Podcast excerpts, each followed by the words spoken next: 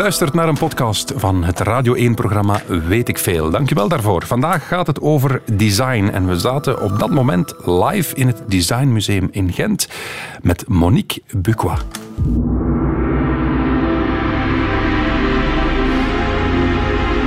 Radio 1. Weet ik veel met Kopen Ilse. Herkent u het? Herkent u het? Muziek van A Clockwork Orange van Stanley Kubrick. En waarom? Omdat ik vond dat dit wel past bij deze aflevering. Want het gaat over design. En als er nu één film is, Monique Buqua, waarin design een gigantische rol speelt, denk ik, is het toch wel A Clockwork Orange. Ja, het blijft in onze memorie geprent niet ingestaan. Ja. De ouderdom ertussen van de film. Het was een echte avant-garde voor design, maar ook voor rariteiten. Ja, ik, ik, ik herinner mij het openingsshot nog close op het oog en dan die, die uitzoom in die bar. En je zag daar allerlei rare figuren en toch ja, was dat mooi. Is, is dat wat design is? Goh, design heeft vandaag zoveel vormen. Hè. Bijvoorbeeld, jij spreekt nu over filmdesign, Ja. juweeldesign, grafisch design, interieurdesign. Architectuur is ook een vorm van design. Er zijn hele vele vormen van design, van vormgeving. En uiteindelijk gaat het allemaal over producten en iets produceren dat goed is. Dat is voor een groot stuk deel van wat design zou moeten zijn. U hoort, beste luisteraar, Monique Buqua, dat is een journaliste en eh, designkenner. Ooit nog directeur geweest van de, de Biennale in Kortrijk, dacht ik. hè. Designbeurs. Ehm, dus iemand die alles kent over design. We zijn ook live in Gent. Van, eh, vanuit het Designmuseum komt dit gesprek. Want hier loopt nu de tentoonstelling Home Stories. En dat kan u wel raden. Dat gaat over design in het huis. En als je rondloopt, ja, een, een huis is een verzameling design. Want alles is, is wat je net... Zelfs de broodrooster is design, hè? Alles wordt getekend. Ook de muren moeten op voorhand getekend worden en uitgewerkt worden. En als je een huis bekijkt, dan zie je dat inderdaad vormgeving veel facetten kan aannemen. En in de loop van een eeuw, want hier staat een eeuw interieurvormgeving, in de, Ja. in de loop van de eeuw veel veranderd. En die veranderingen van de vormgeving hebben onder andere te maken met nieuwe materialen die op de markt komen. Vooral mensen met nieuwe ideeën, nieuwe productietechnologieën. Dus ik denk dat we design niet mogen verwarmen met alleen een schoon vormke, een schoon krulletje. ja, ja. Het is eigenlijk veel meer dan dat, omdat het goed zou kunnen zijn. Alle chance dat veel meer dan dat is, Monique. Want we moeten nog een uur vol lullen daarover. dat gaat wel lukken. geen probleem. We hebben ook een live publiek, die mogen zich even laten horen. Kijk eens, allemaal met mondmasker. En wat mij opvalt, overwegend vrouwelijk. Zou dat, zou dat iets met design te maken hebben? Dat het een overwegend vrouwelijk publiek is? Ik kijk nu naar twee mannen die zich eh, even niet aangesproken moeten voelen. Ik zie ook vrouwen in zeer kleurrijke kledij. Dus ze zijn ook wel bezig met looks. Laten we zeggen dat interieurvormgeving toch een groot deel in handen is van vrouwen, als je dan het geheel bekijkt, maar dat de meer technische kanten van het design nog altijd in de handen is van mannen. En dat heeft misschien ook te maken met de opleiding. Want eh, vormgevers moeten niet alleen schone vormen kunnen geven, moeten toch ook een beetje weten, techniek zo. Ja, ja, ja. Een switch, een schakelaar moet toch ook kunnen werken. Hè? Er mooi uitzien, maar je moet ook kunnen werken. En vrouwen kunnen dat Dus dat is wat techniek. Ja, vrouwen kunnen dat ook maar op hun manier. Het werkt niet altijd dan. Oh, dat zou ik niet durven Dat- dat- dat zeggen. gaan we Het niet werkt ook op een andere manier. Haal je vooruit. Goed. Luisteraar, fijn dat je luistert naar Weet ik Veel. Een uur lang dus live vanuit het Designmuseum in Gent met Monique Buqua over design. Meats keep meatier, beats keep beatier, chips keep chippier, dips keep dippier. Tupperware freshness, that's our promise. Look at all the ways we keep it. Come to a Tupperware party and see all the new ways you Oh, can lock in freshness. Teas, Tupperware freshness, that's our promise. Look at all the ways we keep it. Monique Buqua, waarom laten we een spotje van Tupperware horen in een aflevering over design? Zoon van Amerikaans design toch, hè? Dus eh, meneer Tupper ehm, heeft voor de oorlog een systeem uitgevonden om ehm, huishoudproducten, ik bedoel eetwaren te bewaren.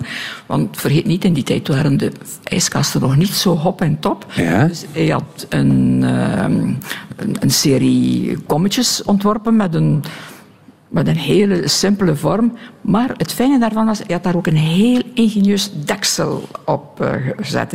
En hoe kon hij daar, op dat ogenblik in het jaar 35, was er een nieuw materiaal, het polyethyleen. En dat kon gemakkelijk gespoten worden door een injectiemachine, als we ook een beetje technisch mochten zijn. Ja. En die man heeft dat materiaal gebruikt om dus soepele deksels op die potjes te krijgen. In heel simpele kleuren. De eerste tupperware waren lichtgroen, lichtmauve, ja. Toen is de oorlog gekomen en om u te zeggen dat design ook heel veel te maken heeft met economie en marketing. Want meneer Tupper heeft na de oorlog zijn potjes alleen maar eh, verkocht op parties. Op damesparties. Ah, zo bij de mensen Het is het geniale systeem van Tupperware. Er waren geen winkels, tot voor kort waren er nergens ter wereld winkels van Tupperware. Dat ging alleen maar bij zakelijke damesparties. En dat was geniaal. Als ontvangende dame in, in je huis kon je je vriendinnen uh, inviteren. Je kon iets spectaculairs nieuws zien. Dat deksel met dat speciale klepje hield op zijn minst één of twee dagen langer je uh, aardappelen of je groentjes uh, fris. En in feite na de oorlog is dat dan ook naar België overgekomen. En ik moet zeggen, de eerste grote Tupperware fabriek was in Alst. Met de centen van het Marshallplan. En laten we zeggen, heel veel van de vernieuwing bij Tupperware is eigenlijk Belgisch. Want daar zat een team Belgische ontwerpers die jarenlang altijd maar de vormverbeteringen, nieuwe vormen, nieuwe materialen Monique, sorry. op. Ja. Ontwerpers, het is een plastic potje, hè? Hm? Wat is daar ontwerp aan? Eerst en vooral om zo een plastic schaaltje of potje aan te ontwerpen, moet dat een bepaalde vorm hebben, omdat die vorm moet gemaakt worden door een machine. En zo'n machine kan niet zo'n hele grote krullenwiet maken of een kronkel. Zo'n machine is meestal recht toe, recht aan en kan wel mooie afgeronde hoeken maken. Dus voor zo'n potje, eerst en vooral die potjes moesten kunnen geclasseerd worden op elkaar. Dus die vormen moesten op elkaar afstemmen. Moest daar een mooie ronde uh, hoek aan zijn, dat je niet zou kwetsen, omdat dat ook gewoon zou passen. In ijskasten die meestal binnenin mooie afgeronde hoeken hebben. Oh, En- wacht, ik dacht, echt- ik dacht dat we hier over een plastic potje bezig zijn, maar we zijn eigenlijk bezig over iets dat Toch ook- handig... Want dit is dan een handig design, want mooi kan je dat toch niet noemen? Of kan, u daar, kan jij daar nu van genieten? Kan je naar een, een tupperwarepot staan kijken en zeggen maar dat is nu toch echt wel een schoon tupperwarepotje? Ja, af en toe denk ik dat die potjes geniaal zijn van vorm. Toch? Ja, ze passen op elkaar, ze zijn ook trendy, de kleuren worden aangepast, ze zijn van binnen wit, ze zijn aan de buitenkant rood, ze kunnen in de microgolf vormen. Ja, meneer Tupper die heeft dat heel erg goed gezien. Ik denk dat het er ook wel aan verdiend heeft. Hè? Hoogstwaarschijnlijk. Dat zal wel.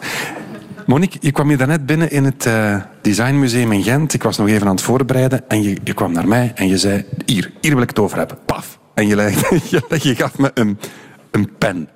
Maar geen gewone pen, een bik. Een biek. Ik denk dat het het designvoorwerp is die we allemaal het best kennen, die ondertussen 70 jaar oud is, die in die 70 jaar nauwelijks veranderd is van vorm. Dus hoe is de biek ontstaan? Er was ooit een meneer die dacht, eh, ja, ik zou wel willen op ruw leder kunnen schrijven om mijn vellen uit elkaar te houden. Zo.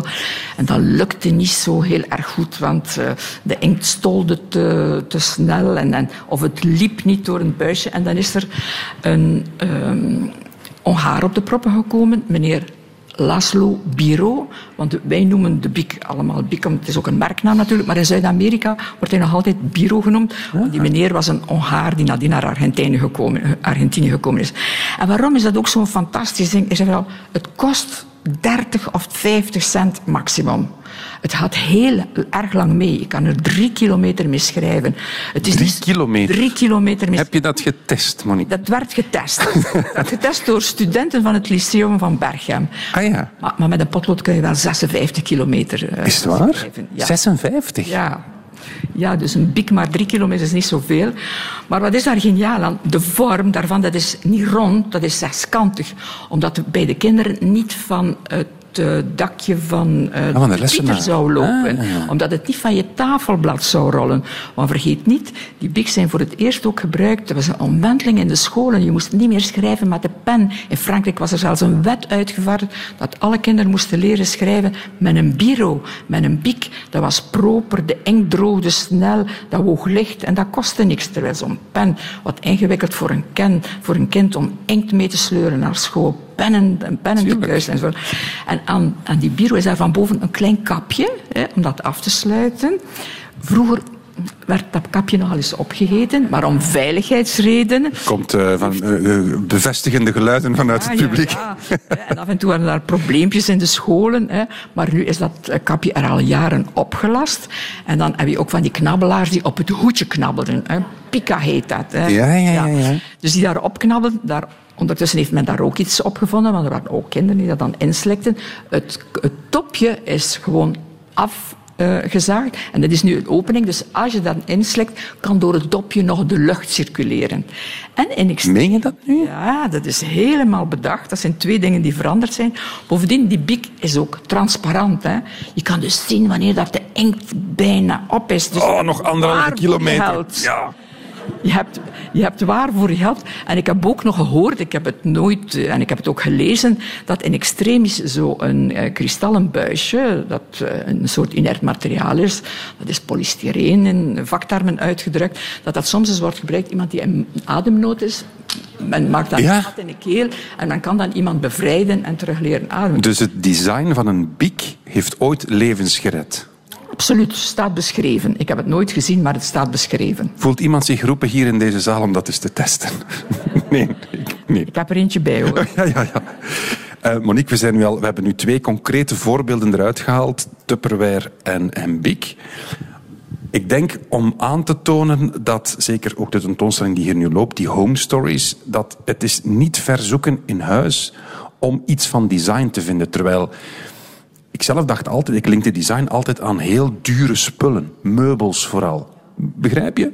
Terwijl eigenlijk hebben we het hier over twee heel banale dingen in een aflevering over design. Omdat die misschien niet altijd ervaren worden als design. Dus design heeft heel lang een conno- connotatie gehad van rijk en duur. En, en laten we zeggen, de stoel eh, waarop wij zitten, waar ik het straks wel nog graag eens zou over hebben. De stoel waarop wij zitten, die, die kostte in de jaren eh, 70 bijna een fortuin. En vandaag heb je die voor 220 euro. Dus je ziet ook... Vind ik nog veel geld voor een stoel, als ik eerlijk ben. Ja, ik denk op een stoel van. eh, Op deze stoel kun je ongeveer 50 jaar en langer zitten. Het eh, plastic is heel erg duurzaam. Ik denk op een stoel van 20 euro, en die bestaan er inderdaad ook. Maar van zo'n stoel kun je toch niet vragen dat die lang meegaat. Dat is waar. Maar maak je verhaal af, alsjeblieft. Design zat dikwijls in de, in de rijke, dure hoek. In de dure hoek, omdat het altijd moeilijk is, omdat zo'n design ook eh, heel veel vormverandering toelaat. Bijvoorbeeld als je de gilette, de- de- het scheerapparaat ziet in de loop van de jaren, is dat toch wel heel erg veel veranderd van vorm. En de mensen staan niet altijd snel open voor vormveranderingen.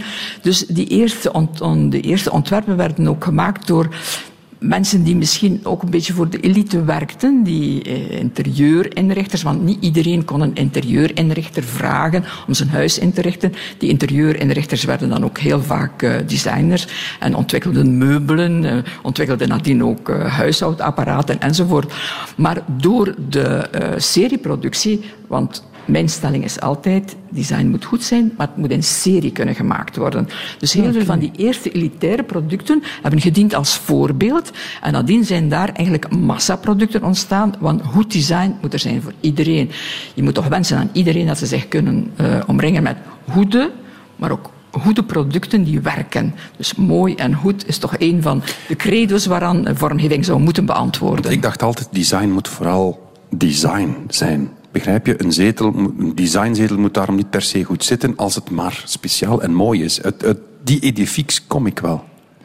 Ja, er zijn natuurlijk een heleboel voorwerpen die in kleine serie gemaakt worden en die heel erg et- esthetiserend zijn en die mooi zijn, maar waarvan je na vijf minuten zegt, oei, ai, mijn rug, eh, ik krijg er mijn voeten niet op. Zo. Maar voor mij zijn dat mooie voorbeelden die kunnen aanpassingen krijgen om dan in serie gemaakt te worden. Kunnen we het wat met mode vergelijken? Die haute couture, dat zijn ook geen dingen dat je echt gaat dragen, maar die wel misschien inspiratie geven voor de H&M's van deze wereld. Van, ah, we gaan ons daar misschien toch een Absoluut, dat is de, dat is de goede lijn. Goed zo, goed zo.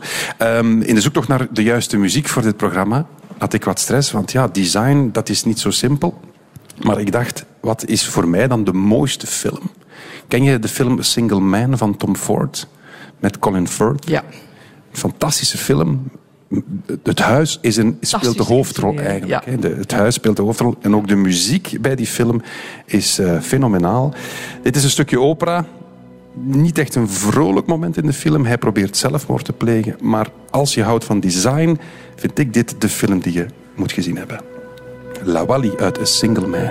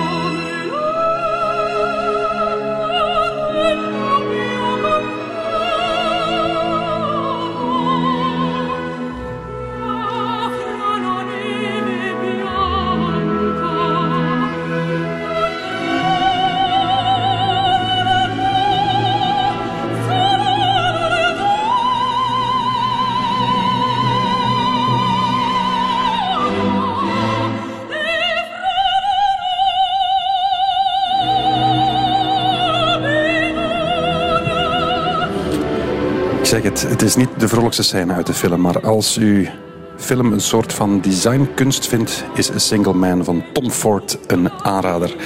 Het gaat over design vandaag en weet ik veel. We zijn live in Gent vanuit het Designmuseum en ik heb een voorgevoel dat IKEA eraan zit te komen. Van Ikea een heel groot eh, kartonnen pak. En in dat kartonnen pak zitten heel veel plankjes. Maar echt heel veel plankjes. Nee, maar echt veel meer plankjes dan u nu denkt van... God, dat zijn heel veel plankjes. Neem in uw hoofd heel veel plankjes. Verdubbel dat aantal en dan heb je een Ikea fabelbak. En die heel veel plankjes, die zet je tegen de muren van de kinderkamer. En daar heb je een behoorlijke kinderkamer voor nodig. Dan krijg je verder een hele lange gebruiksaanwijzing. Die leg je zo over de grond. En dan krijg je zo'n zak met schroefjes. Maar Weet ik veel. geen gewone schroefjes? Nee, nee, nee. Hele vreemde schroefjes, ja. Echt, echt, echt, echt schroefjes die je nog nooit gezien hebt. Zweedse schroefjes, zeg maar. En, en, en Zweedse schroefjes gaan niet met een schroevendraaier. Nee, nee, nee, nee. Die gaan met een sleuteltje.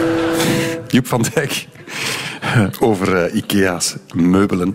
Ik zit hier met eh, Monique Bucois, eh, journaliste en eh, organisator, ex-organisator van de Biennale Design in Kortrijk. Inderdaad. Is daar nog nieuws over?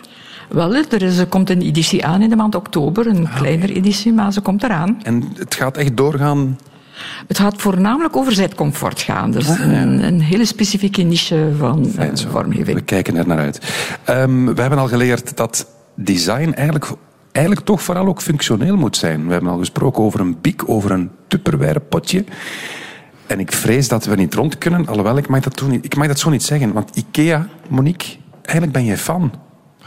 Ja, ik ben fan. En dit museum is ook van. Weet dat deze tentoonstelling opent met de Billy-kast van Ikea. Dat is toch De fantastisch? Billy-kast. Voor de mensen die in de wagen zitten en het niet onmiddellijk voor zich kunnen zien, wat is de Billy-kast? Billy-kast zijn gewoon, is een grote rechthoek van ongeveer twee meter met een wand achterin en daarin kun je schabben zetten om je boeken, je platen, je hebben dingetjes in eh, te klasseren. Is dat niet er staan er ongeveer 100.000 in België per jaar verkocht. 100.000 per, jaar. verkocht. Dat zijn 100.000 relatiecrisissen ook, om dat in elkaar te steken.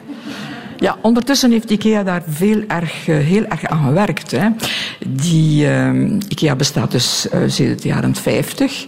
En eh, de man die regelmatig de catalogus moest maken, opperde in de jaren 70. We moeten toch eens een goede bibliotheekkast hebben. Hè. We hebben al heel veel dingen die met zitten en tafels en stoelen. Zo. We hebben wel kleine kastjes. En het verhaal doet de ronde dat hij met de hoofddesigner, dus de man die de grafisch designer, hij deed een babbel samen met de hoofddesigner en ze ontwikkelden een kast. En de, hoofd, de naam van de hoofddesigner was Billy Lindgren en daarom heet de kast Billy. Maar het is eigenlijk de grafisch vormgever die hem op punt gezet heeft. En ik kan u vertellen, zo'n Billy-kast wordt vandaag gemaakt door een robot. Ik denk ongeveer 15 per uur. Er komt geen mens meer aan te pas. Die worden nog altijd in Zweden gemaakt. In een speciaal soort plaatmateriaal. In de loop van de jaren zijn daar verbeteringen in aangebracht. De eerste waren mijn inziens toch wel een beetje steviger dan die van nu. Ja. De methode om ze te maken uh, is ook helemaal verbeterd. Ik denk dat de eerste uh, IKEA's je wel verschillende keren kon opnieuw in elkaar steken. Dat deze van nu, dat dat heel millimeterwerk is en eens in elkaar zit, dat je ze best uh, laat, laat staan, niet verhuizen. Hè? Ja. Maar waarom, waarom is dat dan het allereerste wat je tegenkomt in het Designmuseum in Gent bij een tentoonstelling over design thuis? Waarom is dat zo'n belangrijk stuk? Het is een goed stuk. Het bestaat sinds de jaren 70. Het wordt nog altijd gekocht. Er is als dusdanig aan de vorm niets veranderd. De, alleen de afmetingen zijn ver, veranderd. En uh, het materiaal, er is, het wordt een speciaal plaatmateriaal daarvoor gemaakt voor de IKEA. En iedereen heeft zoiets nodig. Vergeet zo'n element, dat kost maar 40 euro. Ja, en je kan het vol laden met boeken. Dus het is een blijver, het is een icoon, het is Dus design moet niet duur zijn? Zeker niet. Je kan voor 40 euro een designstuk in huis halen? Absoluut. Bij absoluut. IKEA? Bij IKEA. En in de loop van de jaren heeft IKEA ook beroep gedaan op hele bekende ontwerpers om bepaalde stukken uh, te maken. Want in die grote IKEA-collectie zitten ook hele specifieke items die maar op een bepaalde oplage, en als je dan spreekt van IKEA-oplages, dat is toch al gemakkelijk 50, 100.000, gemaakt worden door bekende ontwerpers. En in de mode gebeurt dat ook. Er zijn ook ketens die af en toe grote ontwerpers vragen, maak eens een blouseje voor onze... Ja, H&M is, is er ja, ja, ja, ja, ja, ja. Bijvoorbeeld Stella McCartney die daar iets voor maakt. En in de designwereld uh, gebeurt, dat, uh, gebeurt dat ook.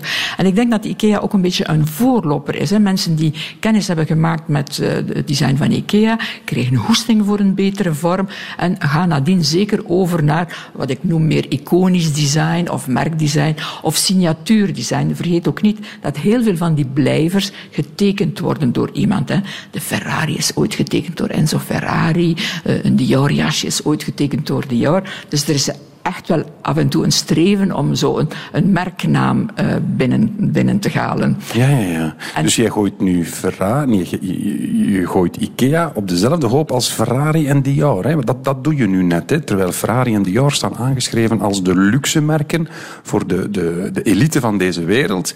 Ikea ik heb me ooit laten vertellen dat er geen huis in Europa, geen huis in Europa is waar niks van IKEA is. Ja, blijkbaar, blijkbaar is dat zo. Ja, IKEA heeft mij dat ook bevestigd. Dat je overal mag kijken. Ja, dat... We gaan een kleine steekproef. We gaan er geen grote conclusies aan kunnen vasthangen. Maar hier in het publiek, wie heeft iets van IKEA in huis? Dat is 99 procent. Mevrouw op de eerste rij zegt nee. Kom eens heel even dichterbij, mevrouw. Waarom heeft u niks van IKEA in huis? Ja, ik weet het niet. Uh, omdat het zo gelopen is dat wij ja, speciale stukken gezocht hebben. En, uh, ja, en... U vindt het wat gewoontjes toch? Ah, nee, dat zou ik niet zeggen, maar ja, het is er gewoon niet van gekomen. En toch denk ik, Monique, als we straks onszelf inviteren bij, hen- bij haar thuis, dat we misschien wel iets kunnen opsporen. Toch wel opvallend. Iedereen Kijk, als het ook gaat het. over de woning inrichten, als het gaat over de inrichting van de keuken, denk ik dat meer dan 80% van de mensen geneigd zijn van een moderne keuken eh, te bouwen. Terwijl bijvoorbeeld 40 jaar geleden men een stijlkeuken wenste in eik, eh, met eh, mooie molures, eh, helemaal. En ik denk ook voor de badkamer. Iedereen denkt eraan dat het iets modern moet zijn, iets eigentijds. Hè? Want ik leef ook niet meer in een hoepelrokje, ik leef in een jeans. Dus de meubelen zijn daar ook aan, aan aangepast. En daar heeft IKEA ons in beïnvloed. In dat Scan- Scandinavische design, wat bijzonder populair is tegenwoordig. En de Scandinavische design was al populair in de jaren 70 en de jaren 50, 60 en 70. Ja, ze hebben eigenlijk de wereld veroverd, deels ook nog door de, door de prijs, maar deels ook door hun goede vormgeving. We zijn, denk ik, we gaan een boete krijgen voor product placement, vrees ik. Voordat je wat aanzoek doet, denk er goed over na. Want als je juist samen bent, dan denk je dat je speciaal bent. Dat jij als koppel uniek bent. Maar er komt een moment dat je beseft dat dat niet waar is. De dag dat je samen met haar naar de Ikea gaat. Je kijkt voor u juist hetzelfde koppel. Je kijkt achter u juist hetzelfde koppel. En ik weet niet wat het woord Ikea betekent, maar ik zou er niet van verschieten als dat Zweeds is voor Ambras. Weet ik veel. Dankjewel, Filip Geubels. We zitten hier live in Gent in het Design Museum samen met Monique Bucois, want we praten over design. En dan moet je het ook over IKEA hebben, maar daarover genoeg nu. Alhoewel, nee. Want er is nog wel iets leuk, gaan we nog snel meegeven. Monique, je zei tijdens de plaat iets, dat is wel iets plezant. Ja, misschien nog een afsluiter. Er bestaat ook een site waar je je IKEA-hackingstukken kunt plaatsen. Bijvoorbeeld als je iets maakt met een IKEA-kastje, bijvoorbeeld twee billykasten die je verbindt in een hoek bijvoorbeeld, en je hebt daar een, echt een oplossing voor gevonden, dan mag je dat naar de officiële hack- IKEA-hacking-site sturen. Ik vind dat fantastisch. Dus als je zelf begint te prutsen met die dingen en je creëert iets nieuws, mag je dat opsturen naar IKEA. Eh, IKEA Hack heet dat. Ja, Doen. Is het bij jou al gelukt? bij mij is het gelukt. Is het waar? Mijne staat erop. Je bent een officiële hacker. Ik ben een officiële hacker. Goed, Monique, goed. Maar laat ons even teruggaan naar de essentie van dit gesprek. Want we hebben al over Bic gesproken, we hebben al over IKEA gesproken, over Tupperware. Maar laat ons beginnen bij het begin. Design, het woord, de term, van waar komt het? Design is al een oud woord. Het komt uiteraard van het Latijns, designare. En eh, het duikt voor het eerst op in de geschriften rond de Renaissance, waar architecten, hè, architecten tekenden dan alles, ook het kerkmeubilair, maar ook de kerk. Hè. En designare betekent eigenlijk gewoon ontwerpen. Ik teken iets voor u, ik ontwerp iets voor u. En eh, nadien is het, eh, eh, hebben de Engelsen het opgepikt en het verschijnt voor het eerst in de literatuur op de, in de wereldtentoonstelling van 1851, toen daar het, het grote Paxton Paleis werd gebouwd. Dat was een enorme glazen serre die ontworpen werd, niet door een designer, maar door een serist, een tuinier. En je hebt dus heel veel mensen die ontwerpen zijn, maar die daar eigenlijk niet echt hebben voor gestudeerd. Eh, bijvoorbeeld Le Corbusier was ook geen architect bijvoorbeeld, en meneer Tupper eh, was ook zeker eh, geen ontwerper. En het is vooral de Engelsen die het zijn beginnen gaan gebruiken. Eerst in de architectuur, architect-designer werd er genoemd. En nadien laten we zeggen dat wij het vooral gebruikt hebben vanaf de jaren 50. Dan is het woord ingeburgerd. eh, er zijn tijdschriften gekomen, bijvoorbeeld het bekende tijdschrift, Nederlandse tijdschrift Avenue, is het woord beginnen gebruiken. En vergeet ook niet dat na de oorlog, door een samenloop van heel veel omstandigheden, er een boom geweest is aan nieuwe, eh, nieuwe toestellen, nieuwe meubelen, van alles nieuw. We hadden niets meer, dus we, we moesten beginnen van crash. En tijdens een oorlog ontstaan ook altijd heel veel nieuwe dingen. Bijvoorbeeld die stoel waarop wij zitten. Daar kan je niet over zwijgen, hè, Monique. Je, van bij het begin is het al... Ik wil over die stoel babbelen. Hè. Ik vind, hem, ik vind hem gewoon geniaal. Hè. Waar zitten we Eh, op? zitten op de Pantonstoel en die heeft een soort S-vormige curve. En Kobe die is uit één stuk. Dus laten we eens nadenken. Je bent een ontwerper. Je hebt tien eeuwen stoelengeschiedenis voor je. En dan opeens denk jij, Ik kan zitten op een stoel zonder poten. Ik vind dat geniaal. Dat je zo abstractie kunt maken van dat zitten, dat je daar die vier poten niet meer voor nodig hebt. En die man is daarmee begonnen in de jaren 60 en dat was er nieuw in de jaren 60, alle soorten plastic.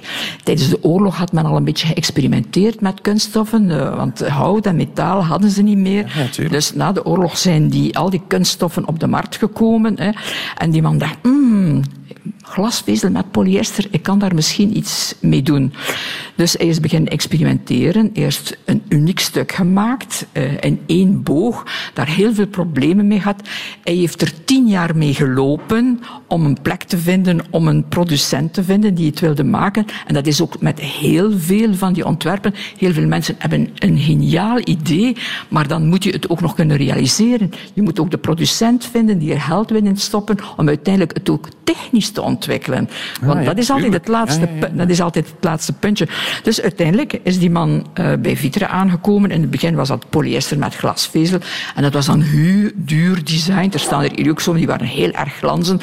Maar ondertussen zijn de materialen verbeterd en de technieken verbeterd. Zo- zo- Zo'n stoeltje maakt men in vier minuutjes. Hè. Pssst, in een machientje. En het komt er helemaal uit. Men moet alleen, wat men noemt, de injectieneus eraf schuren. En u zit op die stoel. Bovendien is hij stapelbaar. Hij mag buiten staan. Hij kan in de massa gekleurd worden. Ik ken eigenlijk geen nadelen aan deze stoel. Dat die lelijk is? Hm? Oh, Ik vind, ik vind hem geweldig. Mag ik in, we, gaan, we, gaan, we hebben een publiek vandaag. Hè. We gaan, wie vindt dit een mooie stoel? Dat is 50-50, hè? Ik denk dat het echt... Ik zie mensen ook echt... Er zijn mensen die zeggen ja en er zijn mensen die zeggen nee. En Zo, ik het zit in het nee-kamp, moet ik Het eerlijk is ook een avant-garde stoel. Hè. Die hoorde precies thuis in Clockwork Orange. hè. Die, die stoel was ook zijn tijd veel voorbij. Hè. Vergeet niet, in de jaren 70 is die stoel op de markt gekomen. Toen inderdaad hadden de mensen daar schrik van. Want, want er is ook nog iets anders hè, met design. Zo, om een nieuw product te maken, moet je altijd een beetje refereren naar het vorige. En dat zie je heel goed in de auto-industrie, waar er toch heel veel capabele designers zijn. En nu voor het ogenblik is men geweldig veel bezig met auto's die herontwikkeld moeten worden. Dus de nieuwe Mercedes moet altijd nog een klein beetje gelijken de vorige, om die vormherkenning en de vooruitgang te kunnen eh, de- vastpakken. de. Maar dit was een revolutionaire Ah, ja. stoel. ja, een Porsche is al jaren hetzelfde. Die, die 911 is al jaren die iconische vorm. Ongeveer een Dus je mag bij vorm. design ook niet te veel veranderen. Want mensen houden toch wel vast aan dat... Dat, daar, natuurlijk is dat je een goed voorwerp hebt. Je moet het ook kunnen verkopen. Eh, er zit marketing achter. Er zit daar een enorme machine achter. Mhm. Inderdaad, als een vormverandering te groot is, dan kan het mislukken. En er zijn heel veel producten die in de loop van de jaren mislukt zijn en die geniaal waren. Mochten mijn initialen LA zijn en mocht ik Luc Appermond heten, zou ik nu een, een, een spel spelen, de zoete inval met het publiek, om door middel van ja-nee-vragen tot uw persoonlijke verzameling te komen. Want een designpaus, mag ik, u, ik mag u zo wel omschrijven, heeft thuis een privéverzameling van een bepaald item. We gaan het niet spelen, ik ga het gewoon zeggen. Maar ze heeft een verzameling frietvorkjes thuis. Dames en heren. Hoe, hoe pas je dat toe op het feit dat je designpaus bent? Een frietvorkje, ook dat is een Dat is kunstobject. een heel, dat is een heel banaal stuk dat wij natuurlijk eh Vlamingen en Belgen eh, op zijn minst één keer in de week gebruiken natuurlijk. En dat moet ook ontworpen worden. En in de loop van de jaren zijn daar heel veel ontwikkeling bij geweest. Nu zie je bijvoorbeeld geen houten vorkjes niet meer. Eh, de hout is schaars geworden, alhoewel eh, dat het gemakkelijk ook recycleerbaar is. Tegenwoordig zijn ze in plastic, omdat ze heel snel kunnen gemaakt Maar worden. Europa Ze verbiedt hebben ook haakjes enzovoort, terwijl dat met hout eh, meestal niet mogelijk was. En het kost dus eigenlijk niks. Maar op ieder nieuw vorkje is gedacht door een ontwerper. Dus dan zit je, Monique, daar thuis, die vorkjes te ordenen. En dan denk je, ja...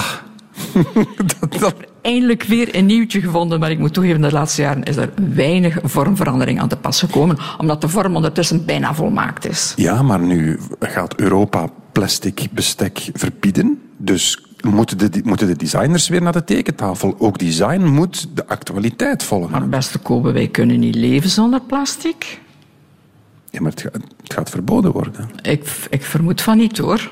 Want plastic kun je gewoon niet meer uit je hoofd, uit je producten, uit je computer eh, wegdenken. Nee, maar ik wil zeggen, Sommige- plastic bestekjes, die, die kleine vorkjes, dat, dat moet toch iets, er moet toch een oplossing voor te vinden zijn, een slimme design, er moet daar toch iets op Ja, vinden. voor de, vorkjes, voor de vorkjes kunnen natuurlijk oplossingen gevonden worden in eh, hout. Maar het probleem daarbij is, het zal duurder worden en eh, de consument is niet al be- altijd bereid om meer geld te besteden aan iets dat bio of aan iets dat duurzaam is. Dus er komt ook nog een hele mentaliteits, eh, eh, mentaliteitsverandering aan te pas en dat vraagt ook designwerk. Ah, wel, ik, ik, ik begin te snappen waarom dat een, een, een ding als Home Stories, wat heel banaal is, broodroosters, stoelen, eender wat, dat dat in een designmuseum thuiskomt of, of thuis hoort.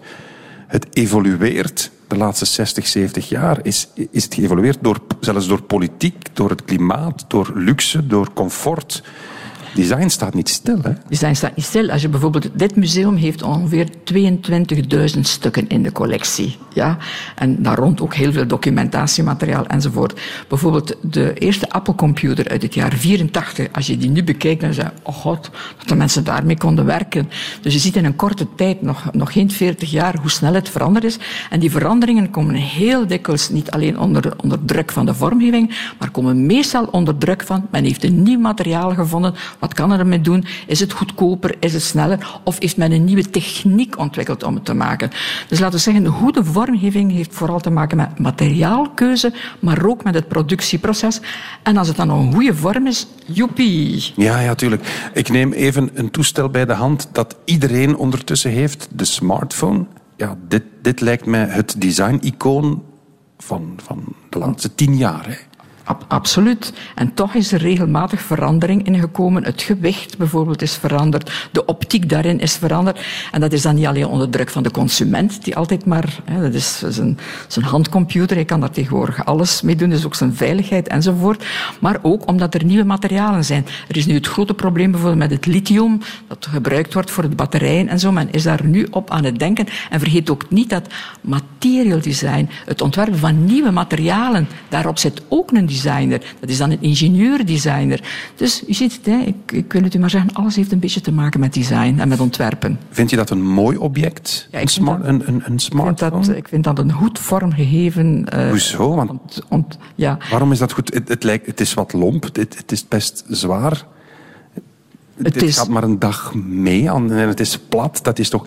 Ja, er zijn, er zijn al oplossingen om het langer. Dus, dus het probleem van het lithium, dat blijft, eh, die batterijen blijven een probleem. Het heeft mooie afgeronde hoeken. Het is veilig, je kan het wel een paar keer laten vallen. Vindt je, eh, ja, welk merk? Want dan... eh, Er is over, er is over een aantal, Ik heb het nog er is niet. nog over een aantal details goed nagedacht. En vooral ook het binnenwerk, hè, die we niet zien. Hè, hoe dat, dat in de loop van de jaren geoptimaliseerd is. De chips zijn ondertussen duizendmaal kleiner geworden. Dus ook dat is vormgeving, die technologische vormgeving. Mhm. Heeft Apple, het bedrijf Apple, is toch denk ik in, in qua design, heeft de elektronica toch echt uit de, het stenen tijdperk gesleurd. Hè?